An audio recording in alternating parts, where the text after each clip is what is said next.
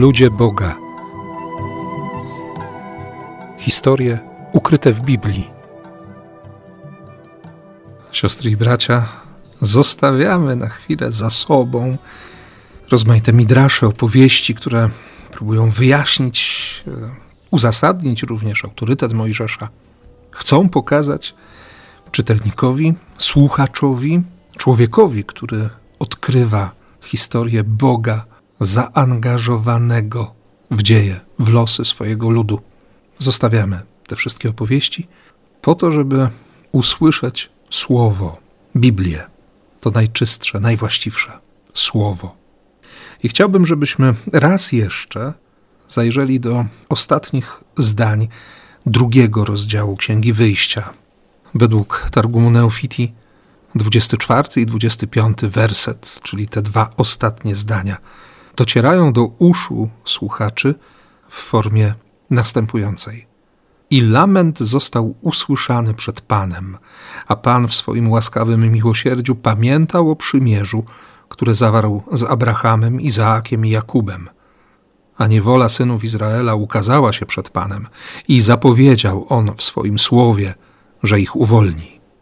Powiedzieliśmy sobie w czasie ostatniego spotkania, że w tekście Biblii hebrajskiej werset 25 znajdzie się w brzmieniu: Spojrzał Bóg na synów Izraela i poznał ich. Zobaczył niewolę synów Izraela i uratował. W Biblii pierwszego kościoła, którą często się posługuje, o czym doskonale wiecie, ten ostatni werset drugiego rozdziału brzmi: Spojrzał zatem Bóg na synów Izraela i dał im się poznać. Bóg pozwolił się poznać. Wydarzyła się teofania, czyli objawienie Boga. Pamiętamy chyba dobrze, siostry i bracia, z lektury pierwszych rozdziałów biblijnych, że przez grzech człowiek utracił przywilej, który przysługiwał Adamowi i Ewie w raju, kiedy mogli w bezpośredniej bliskości trwać z Bogiem od momentu, gdy, gdy na tej symbolicznej granicy Edenu Bóg postawił cherubów z połyskującym ostrzem miecza, z tymi mieczami ognistymi. Człowiek nie może rozmawiać z Bogiem twarzą w twarz, pod groźbą śmierci.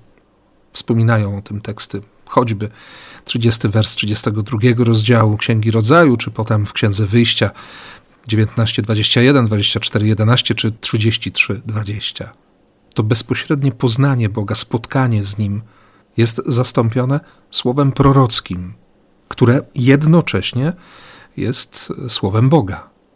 Święty Augustyn napisze w jednym ze swoich dzieł: Bóg, skoro tylko zechciał się objawić, nie we własnej osobie, lecz przez widzialne, a przeto zmysłom dostępne stworzenia, na ile owe cielesne zmysły są władne, objawiał się albo przez dźwięk mowy, to jest uszom, albo przez ogień oczom, albo przez anioła.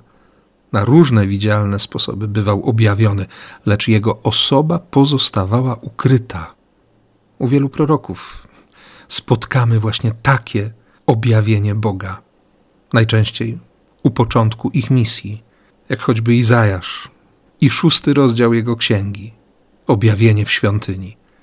Wizja chwały Bożej u Ezechiela nad rzeką Kewar – te wydarzenia, spotkania, objawienia są momentem inauguracji prorockiej misji, a jednocześnie uwiarygadniają tych, którzy zostali przez Boga wezwani, by patrząc na świat Bożą perspektywą, Bożym spojrzeniem, dzięki łasce, dzięki świętemu duchowi Boga, mogli objawiać, przedstawiać, przypominać, namawiać, motywować, być dla narodu wybranego Bożym głosem. Myślę, że każdy z nas też doskonale zdaje sobie sprawę z tego, że, że również my jesteśmy obdarzeni taką łaską od chwili chrztu. Jedność z Chrystusem, kapłanem, prorokiem i królem, o której słyszymy w trakcie jednego z obrzędów wyjaśniających, gdy szafarz sakramentu chrztu namaszcza szczyt głowy ochrzczonego olejem krzyżma. Być prorokiem, czyli patrzeć na świat Bożymi oczami, widzieć sprawy ludzi, rzeczywistość takimi, jakimi widzi jak Bóg. Ale wróćmy do Mojżesza. Mojżesza, który w tradycji żydowskiej i biblijnej, i pozabiblijnej jest uznawany za proroka. Przeczytamy w Księdze Powtórzonego Prawa w 10 wersecie 34 rozdziału. Nie powstał już nigdy w Izraelu prorok, nawi, równy Mojżeszowi, który obcował z Panem twarzą w twarz. Wspomni o tym również Księga Powtórzonego Prawa w 18 wersie 18 rozdziału. Przeczytamy o tym w 12 rozdziale Księgi Liczb, czy u Ozeasza, Mądrość Syracha w 45 rozdziale 5 wersecie również da nam takie świadectwo. Misja Mojżesza jako proroka zapoczątkowana jest widzeniem. To widzenie opisuje trzeci rozdział Księgi Wyjścia. I jak podpowiada nam komentarz rabiniczny, wszyscy prorocy widzieli Boga jakby przez przyćmione szkło. Mojżesz był jedynym, który patrzył przez szkło czyste. Ta godność Mojżesza wynika przede wszystkim z tego, że on sam jest wysłannikiem Boga, że działa i przemawia w imię Boga. Według Eksodus Rabba, czyli Midraszu wyjaśniającego Księgę Wyjścia, Mojżesz to prorok największy, jakby prawzór wszelkiego profetyzmu. W tekście komentarza rabinicznego przeczytamy: Mojżesz wypowiedział wszystkie słowa innych proroków oraz swoje własne. Ktokolwiek więc prorokował, wyrażał jedynie istotę proroctwa Mojżesza. Nawet w Nowym Testamencie Mojżesz jest uznawany za proroka, który zapowiedział przyjście Jezusa jako Mesjasza. Za tą myślą idzie również nauczanie pierwszych ojców Kościoła, choćby Klemensa z Aleksandrii, który nazywa Mojżesza teologiem i prorokiem. Podsumujmy zatem krótko. Bóg powołuje człowieka, nie patrząc na jego pozycję społeczną, na pracę, którą się zajmuje, na umiejętności, nawet na jego wiek. W historii narodu wybranego pojawią się zarówno ludzie bardzo młodzi, jak i ci, którzy mają już konkretne doświadczenie. Mojżesz, który przeżywa dwa okresy dojrzewania. Według tradycji pierwsze 40 lat spędził w Egipcie, potem, no właśnie, potem z tego Egiptu uciekł i po kolejnych 40 latach, czyli tym okresie, w którym przeżywał swoje wygnanie, doświadczał bycia cudzoziemcem, przelał nawet na swojego syna swoją frustrację i, i niepogodzenie, autentyczne niepogodzenie, nieumiejętność zrozumienia, przyjęcia, akceptacji, zgody na własne życie, dając synowi imię Gerszom, czyli cudzoziemiec, wtedy spotyka Boga, doświadcza obecności, która nada nowy sens jego życiu, a właściwie dopiero wtedy Mojżesz odkryje sens swojego życia.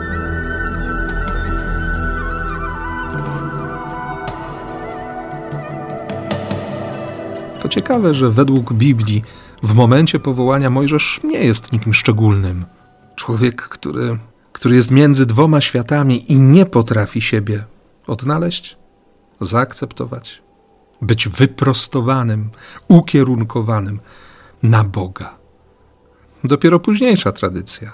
Historycy chrześcijańscy, ojcowie Kościoła, pierwsi teologowie – będą odkrywać w Mojżeszu cechy, które, które pozwoliły Bogu, a właściwie może i nawet sprowokowały Boga do udzielenia temu człowiekowi łaski obcowania z nim twarzą w twarz. Kim jest ten Mojżesz? Zbiegły zabójca.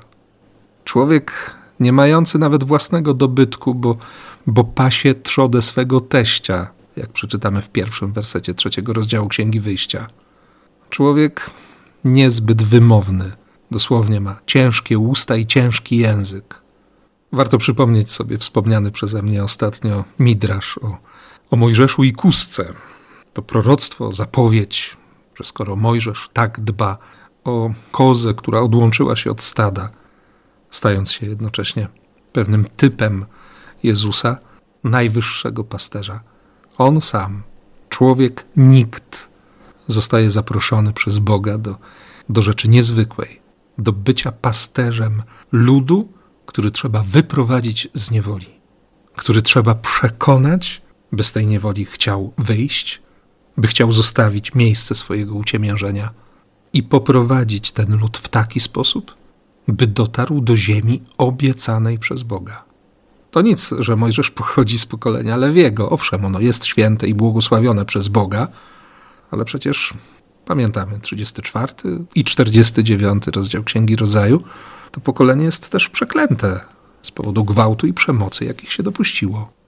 Wydaje się, że Mojżesz jest świadomy tego, że jest nikim, co według niektórych hagad żydowskich i komentarzy hagadycznych prowokuje do wysnucia wniosku, że pokora Mojżesza była większa niż pokora Abrahama.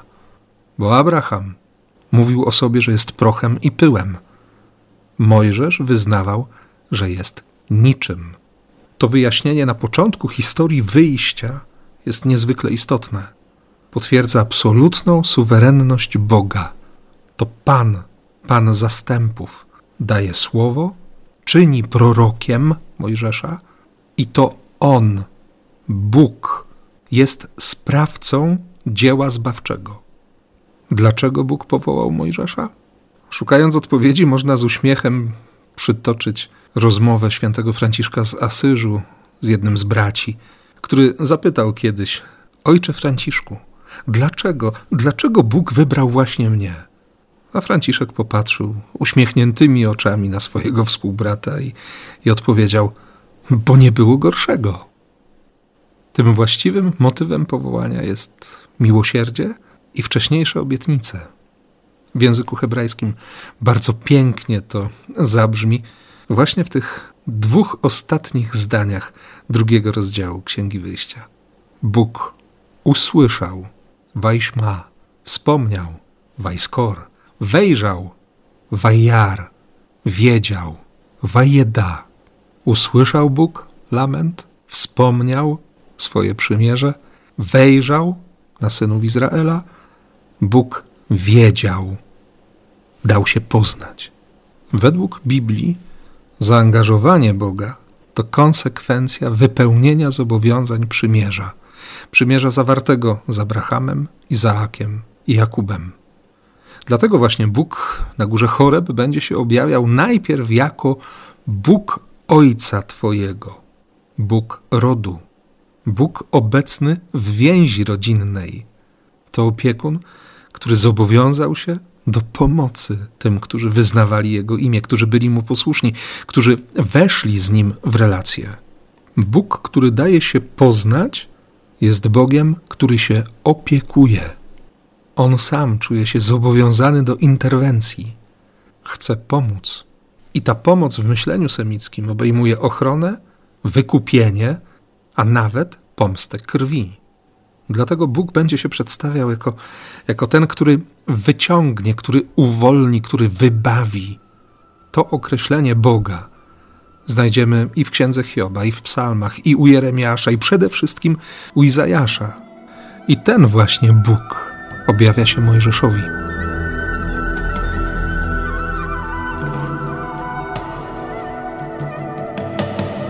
Przeczytamy w pierwszym wersie trzeciego rozdziału Księgi Wyjścia – że Mojżesz wypasał owce Jetro, swojego teścia, kapłana Madianitów. Poprowadził je kiedyś aż do granicy pustynnych terenów. Przybył pod górę Choreb. Choreb to góra na południu Półwyspu Synajskiego, znana też pod nazwą Synaj, choć część egzegetów uważa, że Choreb to odrębny szczyt w rozległym masywie Synaju. Ale warto zwrócić uwagę na tę przestrzeń sakralną, świętą przestrzeń spotkania. Najpierw Midbar, pustynia albo pustkowie.